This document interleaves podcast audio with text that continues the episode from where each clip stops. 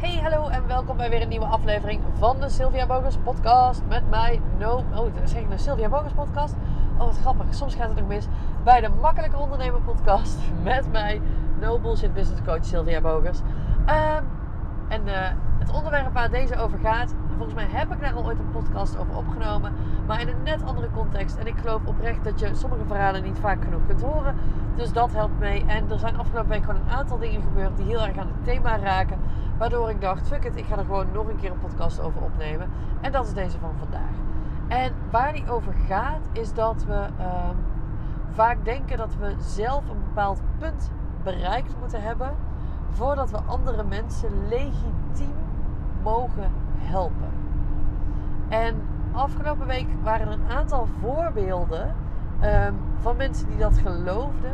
En ik wil je even meenemen door die voorbeelden om jou te laten zien dat het bullshit is. Weet je, maar als er in één week tijd een aantal mensen voorbij komt die dat hebben, dan weet ik zeker dat onder mijn luisteraars ook mensen zitten die dit hebben.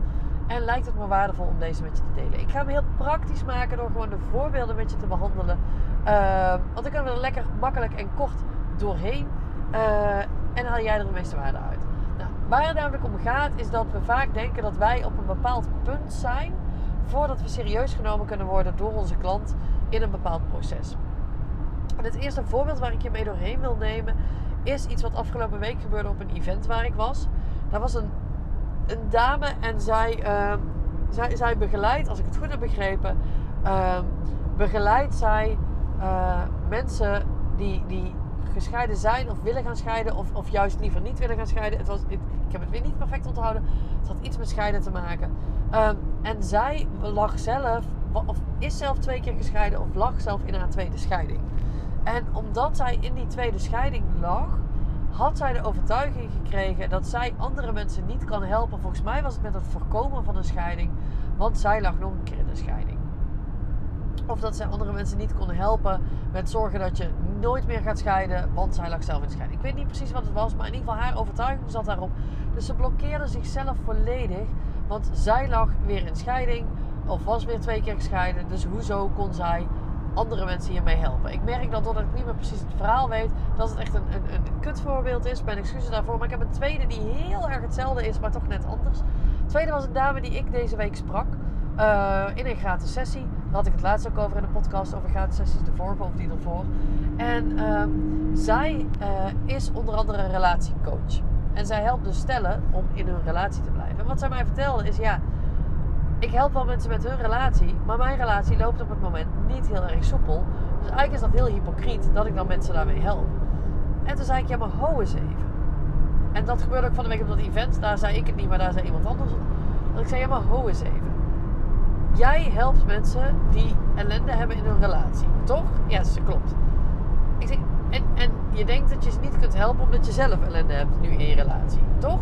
Ja, dat klopt. Zeg maar, als ik ellende heb in mijn relatie, dan word ik toch veel liever geholpen door iemand die zich daarin kan herkennen, die weet hoe dat is, dan iemand die zo'n happy, happy, joy, joy relatie heeft, die nog nooit ook maar een woord bonje heeft gehad. Dit is toch veel fijner als er dan een coach op mijn pad komt die gewoon echt zegt: Oh honey, ik weet totaal hoe het is. I totally feel you. Ik herken het. Ik heb zelf ook. En die hoeft niet te zeggen: Het gaat nu kut. Maar het is wel gewoon fijn als jij, je, als, als iemand zich kan herkennen in jouw verhaal. En dat is ook wat, wat gebeurde in een QA die ik afgelopen week had met klanten. Dat het ging over, en dat was een klant van mij, um, die helpt mensen die eigenlijk. Nou ik, ik, heb een aantal klanten die in, in die thematiek iets hebben. Ik heb een klant die helpt mensen um, die in een toxische relatie zitten met daaruit stappen. Ik help mensen die in een toxische relatie hebben gezeten en daar nu net uit zijn. Die helpt zij weer hun leven op te pakken. En, en zij zagen um, in mijn ogen maar beperkt de waarde van hun eigen verhaal.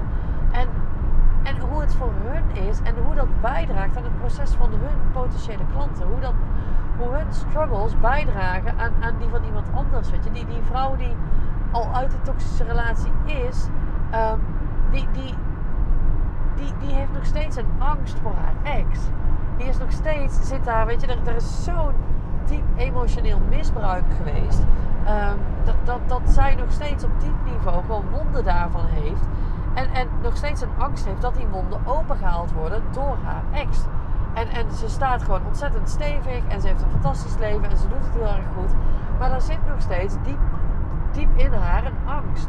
En dat is juist heel fijn voor haar klanten dat zij die herkent. Dat is juist heel fijn dat die klanten denken: oh my god, je voelt echt waar ik ben. Maar dat wil niet zeggen dat jij iemand niet kan helpen. Dat wil niet zeggen dat jij niet van extreem toegevoegde waarde kan zijn voor die andere persoon. Weet je, dat jij nog in een proces zit, wil niet zeggen dat je een ander niet met dat proces kunt helpen. Dat jij ehm, een bepaalde angst of onzekerheid nog hebt, dat jij niet totaal gefixt bent, wil niet zeggen dat je een ander niet kunt helpen. Ehm, maar aan de andere kant, en dat is even tegenwicht ehm, in deze situatie. Aan de andere kant is het ook niet nodig dat jij op een bepaalde plek bent of bent geweest om iemand te kunnen helpen. Weet je, dat is weer een beetje dat er zijn ook mannelijke gynaecologen. Um, en, en dat was ook van de week tijdens datzelfde event. Dat er ook een man was die, die helpt vrouwelijke ondernemers die kinderen hebben. Terwijl hij zelf geen vrouw is en geen kinderen heeft. Maar dat wil niet zeggen dat je iemand niet kunt helpen. Maar het is dus either way. Of je nou juist wel dat verhaal hebt en er nog middenin zit. Of juist helemaal niet dat verhaal hebt. Het wil niet zeggen dat jij iemand niet kunt helpen.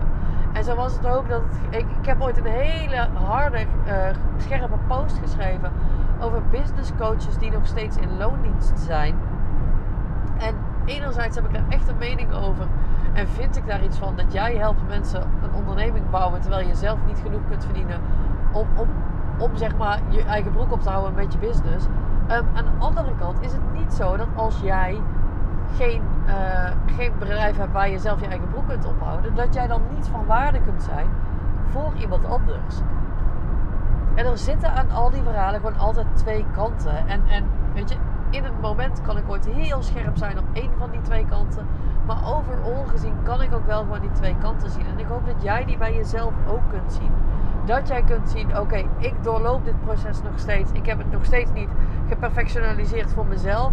Maar ik heb hier wel genoeg kennis en kunde van dat ik het bij iemand anders kan. Weet je, voor een ander is het sowieso, laten we eerlijk zijn, altijd makkelijker dan voor jezelf. Dus ben zacht naar jezelf. Accepteer dat het helemaal oké is dat jij nog iets aan het processen bent waar je andere mensen mee helpt. Je hoeft die andere mensen ook niet te vertellen hoe het bij jou gaat. Hè? Je hoeft niet alles te vertellen. Ehm, maar je kunt daar wel gewoon open en kwetsbaar in zijn. Omdat die ander daar simpelweg iets aan heeft. En juist daarom bij jou komt. Weet je, um, ik begin mijn podcast verkeerd met welkom bij de Sylvia Bogers podcast. En dan is niks zo makkelijk als dat ik een recording stop en weer opnieuw begin. Weet je, ik was drie seconden onderweg. Maar een van de dingen die ik dus heel erg juist laat zien aan jou en aan alle andere mensen die mij volgen en dingen van me luisteren, is dat, dat je dus met chaos um, en ongestructureerde voorbeelden nog steeds een succesvolle business kunt bouwen. Of ik echt een succesvolle podcast mee heb, is even de vraag. Maar dan kom ik weer terug bij, uh, ik hoef maar één leven te beïnvloeden uh, en dan ben ik alweer gelukkig. Maar weet je, ik, laat, laat andere mensen jouw proces zien. En juist daarom haken mensen bij je aan. Want er zijn heel veel mensen die op mij aanhaken. Juist omdat het bij mij af en toe compleet chaotisch en ongestructureerd is. En dat ik dan toch succesvol kan zijn. En nog steeds entertaining en van fucking veel waarde. Dus dat gun ik jou ook. En daarvoor mag je gewoon bepaalde bullshit bij jezelf gewoon tackelen. Gewoon verhalen die je zelf vertelt waarom het niet kan. Gewoon in de kast schuiven. En uh, dan ben ik heel benieuwd wat dat voor jou voor deuren opent. En ook wat voor klanten van jou dat voor deuren opent. Uh, ja, dat was het voor vandaag. Wens ik je gewoon vanaf hier een, uh, een hele fijne dag. En zeg ik tot de volgende.